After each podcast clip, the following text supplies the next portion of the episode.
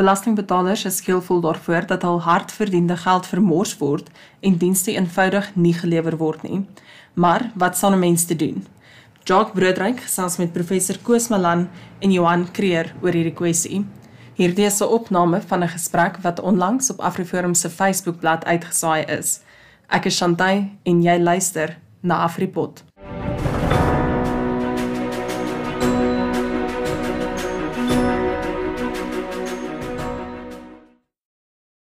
Die skrywer Terry Pratchett het gesê om belasting te betaal is erger as om dood te gaan, want wanneer dit by sterf kom, dan doen mense ten minste net eenmaal.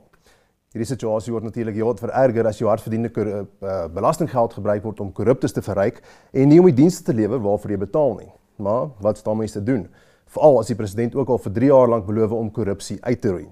Saam met my ateljee om dit te bespreek vandag is 'n kenner in publieke reg, professor Koos Malan en ook Afriforum se hoof van gemeenskapsontwikkeling, Johan Creer. Meneer, baie welkom. Goeiedag.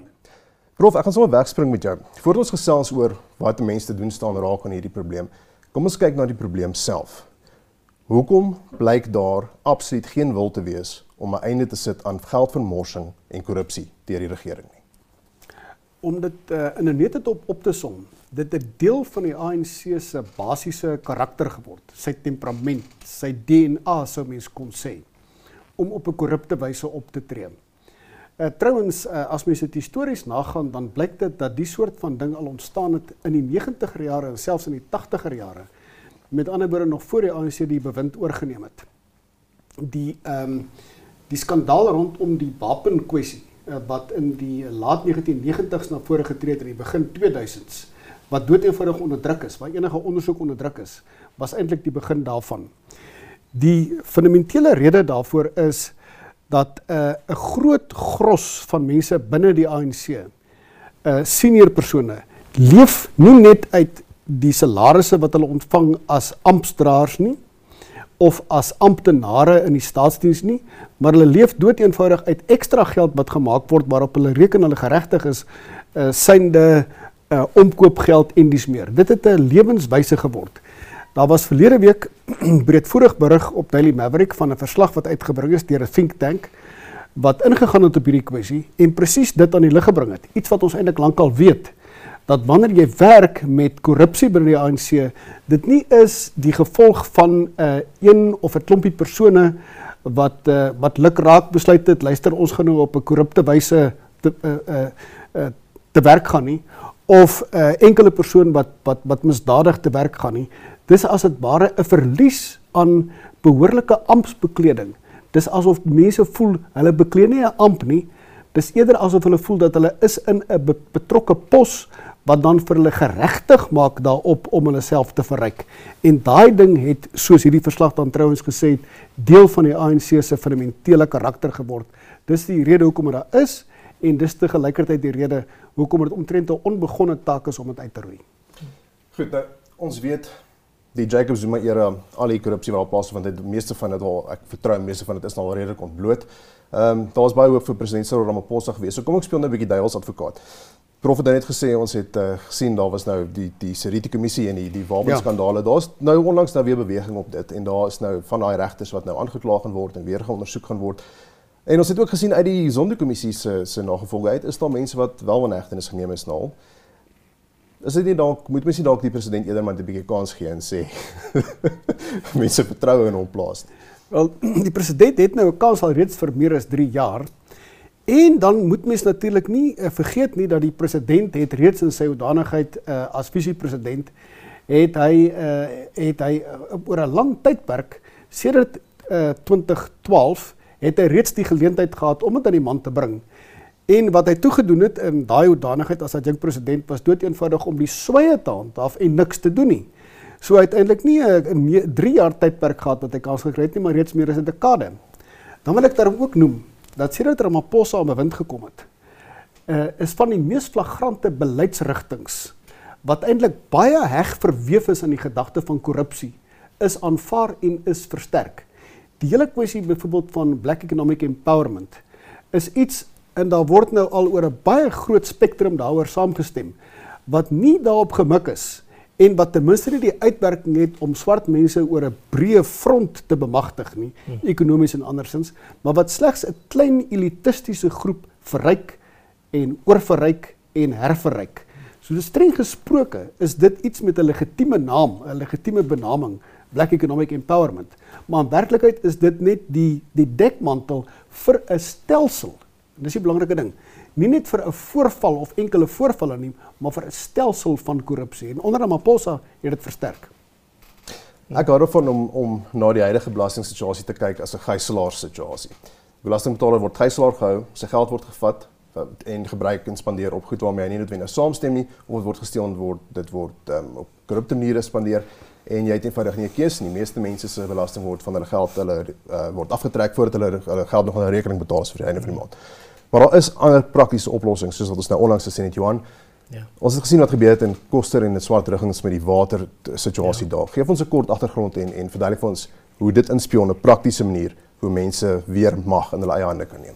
Ja, dit is baie interessant wat daar gebeur het en dis 'n ek dink die die gemeenskap daar se woede en frustrasie en en, en jarelange gesukkel deur al die stappe van litigasie gegaan het net eenvoudig opgeborrel totdat hulle eenvoudig uh, Desember net voor Kersfees dringend hof toe gegaan het en 'n bevel gesoek het om te sê maar ons kan nie meer die munisipaliteit en die munisipaliteit se diensverskaffer vertrou nie. Gee dit eerder vir onsself om dit te bestuur en dat die hof eintlik so uh, eintlik al so hierdie uh, uh, hierdie wanhoop aangevoel het dat die hof sou sê ons gee dit eerder in die hande van gemeen 'n gemeenskap wat waar daar nie een watertegnoloog byvoorbeeld is nie as wat ons dit in die hande van die munisipaliteit los en dit was 'n groot stap wat gebeur het en en ja wat toe gebeur het is die gemeenskap het daar ingespring en hulle het eintlik op 'n uh, baie pragtige manier die gemeenskap saamgekom en daardie en binne enkele dae het hulle die die uh die rioolwerke weer aan die gang gekry en die waterwerke weer in gang gekry en die reservoirs begin opvul en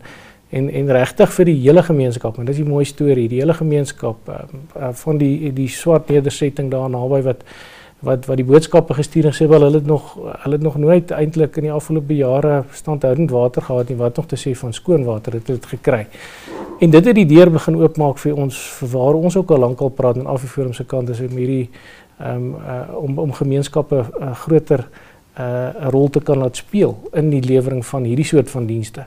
Ons in Afroforum takke doen dit doen al jare uh ander dienste, riool uh um vullisverwydering, grassny ensovoorts, maar maar hierdie is is amper 'n vlak hoër waar jy regtig waar die munisipaliteit uitsit eintlik uit uit die aanlegte en sê ons vat nou oor en ons laat dit werk en en en wat wat ons kon regkry daar saam met die gemeenskap is om dit nou volhoubaar ehm um, te kan help bestuur nou vir die afgelope 5 weke en ehm um, en dit gaan eintlik baie goed.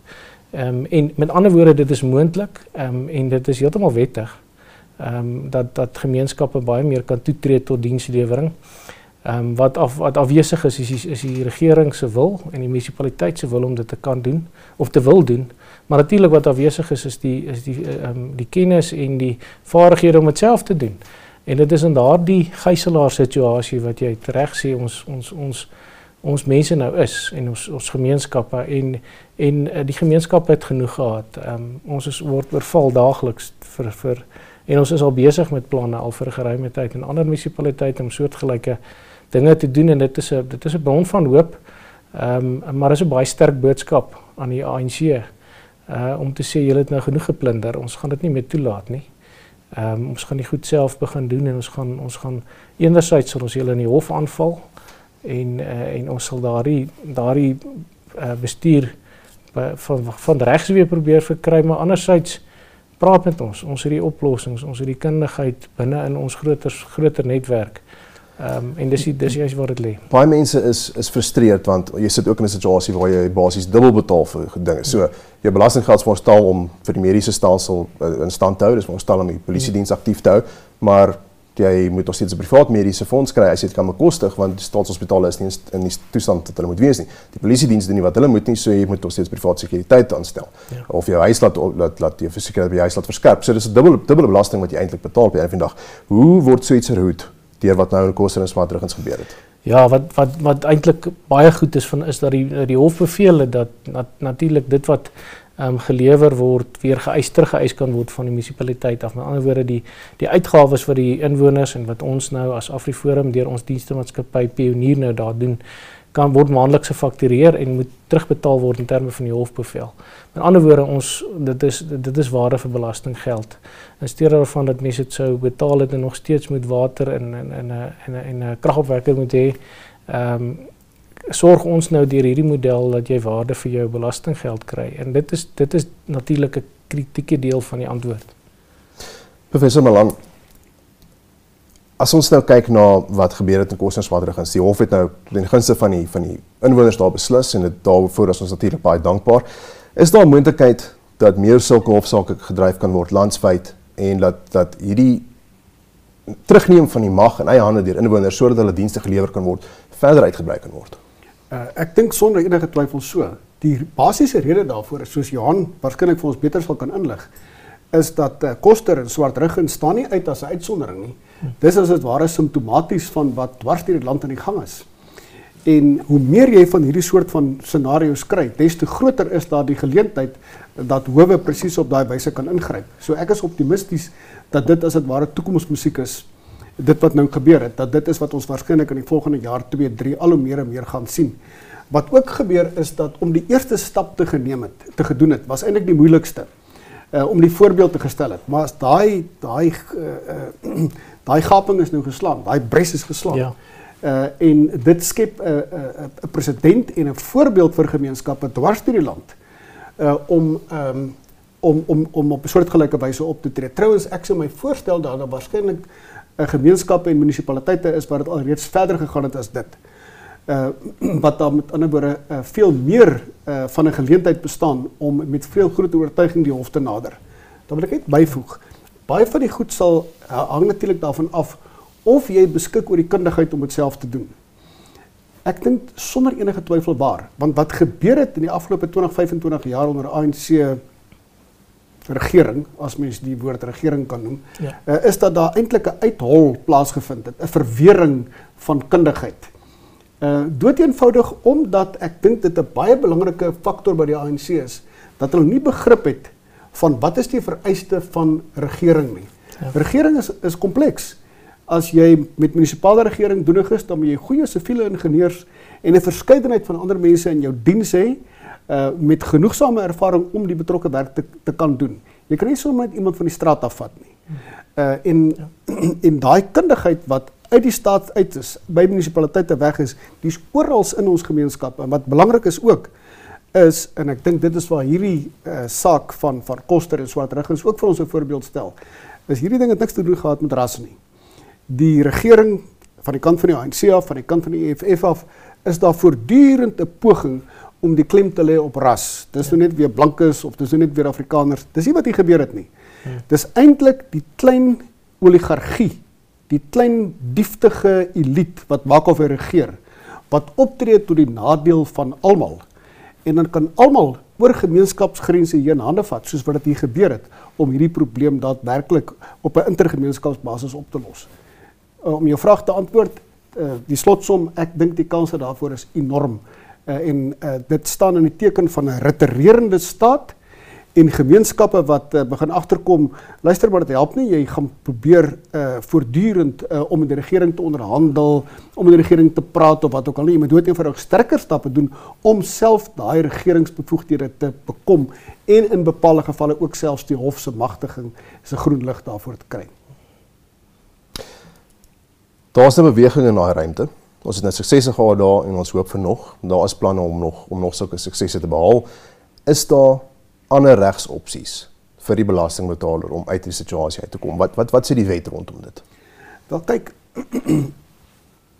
uh, alle wetgewing met betrekking tot belasting sê is verpligtend om belasting te betaal. Ehm um, met ander woorde, jy is uh, steeds op risiko onge, ongeag watter belasting ter sake mag wees dat uh, die geld gaan van jou geëis word, die belastinggeld of dit wat bekend staan as belastinggeld, maar die stempel dra van belastinggeld en dikwels is daar ook die moontlikheid van 'n strafregtelike vervolging as jy dit nie doen nie. So dit is dinge waarby daar as dit ware verbygekom het word. Ten aansien daarvan het jy het jy goeie regsmense nodig om behoorlik vir jou te kan adviseer. Uh waar is die basie verweere waarby jy verby kan kom wat jy kan gebruik om inderdaad belasting te weerhou en dan mag inderdaad sulke geleenthede wees. Uh dit is vir belastingregdeskundiges om daarop te antwoord uh en nie vir myself nie. Wat ek wel kan sê is die volgende en ek dink dis 'n baie belangrike regsmorele faktor om te wys. Dit is dat belasting val nie sommer net uit die lug uit nie. Uh dit uh, kom dalk dikwels voor dat die staat het by wyse van die regering 'n inherente reg om te belas. Dis nie waar nie. Hm. Dis 'n voorwaardelike reg om te belas. Die gedagte is dat daar is eintlik 'n 'n staatsbestel funksioneer op die grondslag van 'n veronderstelling. En die veronderstelling is: luister, jy staat, regering sal deur middel van jou staatsorgane, uh, die staatsdiens, die polisie ensovoorts ensovoorts, sal jy 'n klomp bevoegdhede wat ons inderdaad kan uitvoer, sal jy uitvoer namens ons. En ons sal jou die billike bedrag wat dit kos om daai dienste te te te voorsien. Ons sal dit vir jou betaal by wyse van belasting. Want dis 'n billike bedrag en dit betaal ons sodat jy die dienste kan voorsien. Nie om jouself te verryk nie en nie op die grondslag dat ons 'n ooreenkoms aangegaan het dat jy dit mag steel nie. Dan kom jy nie die ooreenkoms na nie. So streng gesproke is daar eintlik 'n soort van 'n 'n ooreenkoms, 'n sessie ons gee die bevoegdheid aan jou uh om die dienste te voorsien op sterkte waarvan ons die geld aan jou betaal. As jy die dienste nie voorsien nie, streng gesproke verval die regsmorele grondslag van die regering om verder daai dienste ten minste om verder daai belasting van die publiek te eis. En en ek dink dit is baie belangrik dat 'n regering dit ook moet verstaan. Uh vir die doeteenvoudige rede ook dat die gewone publiek verstaan dit ook. Elke lid van die publiek wat 'n greintjie van verstand het, weet dat die rede vir belasting is om dienste te kry. En daarom is daar 'n sterk morele verontwaardiging en 'n regsverontwaardiging wanneer korrupsie op hierdie grondslag voortgaan soos wat dit die afgelope 20-25 jaar gebeur het om te sê, "Maar luister, ons wil nie verder betaal nie." Daar's goeie gronde om te glo jy moenie verder betaal nie want die ooreenkoms is verbreek. Dis die fundamentele grondslag op sterkte waarvan die hele stelsel berus en ek dink dis baie belangrik om dit te beklemtoon. So sal ek sal ek reg wees as ek sê volgens Suid-Afrikaanse wetgewing is dit teen die wet om ja. belasting te ontduik of te weerhou. Maar in hierdie situasie is dit moontlik immoreel om dit aan te hou betaal. Is dis dis sonder twyfel is daar 'n baie goeie morele grondslag in omstandighede waar die regering nie sy verpligtinge nakom nie om belast moreel gesproke om dit te weerhou. En trouens mense kan onderskei tussen in die reg word dikwels gedoen in die regsfilosofie, regsteorie tussen die positiewe reg, die ander woorde dis die reg vervat in wetgewing en so aan. En dan dis die dis die dis die geldende reg van 'n staat op 'n bepaalde stadium. Maar daarteenoor is daar 'n morele grondslag wat as dit ware die grondslag lê vir iets anders, naamlik die natuurreg, 'n natuurregtelike beskouing. En die geldigheid en die moraliteit van die positiewe reg word gemeet daaraan. En dis presies waarvan ons praat hier. Daar's as dit ware 'n hoër reg wat as die maatstaf geld vir die positiewe reg. Hmm. En as die positiewe reg nie voldoen aan hy maatstaf nie, dan begin mense sê op sterkte van 'n hoë reg begin ek nou oortuigend en geldiglik dink dat dit reg is om belasting te weerhou. Hmm. En ek dink dis presies die situasie wat toenemend in Suid-Afrika vaardig raak. As jy nou met enige man of vrou in die straat gaan praat in verband met met met belasting, anders as 15 of 20 jaar gelede, sal daar glad nie meer 'n morele ehm uh, 'n morele uh uh weersinnigheid wees of 'n weerstand wees om belasting te weerhou nie. Mense sal voel, hulle kan hulle mag maar belasting weerhou juis omdat jy 'n uh, regering het wat nie sy gedeelte van die ooreenkoms nakom nie, maar dit trouens grootskaals uh verontagsaam. Hmm. En in aansluiting by Prof Koos, um, ek stem heeltemal saam. Ek dink die ANC sal baie dom wees om die die on, die die die ehm um, die wil van mense op grondvlak om 'n om 'n verandering te sien as hulle dit onderskat. En en dit wat die mense het is is al wat hulle omtrent nog oor dit in baie gevalle is is is belasting mag. Ehm um, en en die ANC moet baie versigtig wees.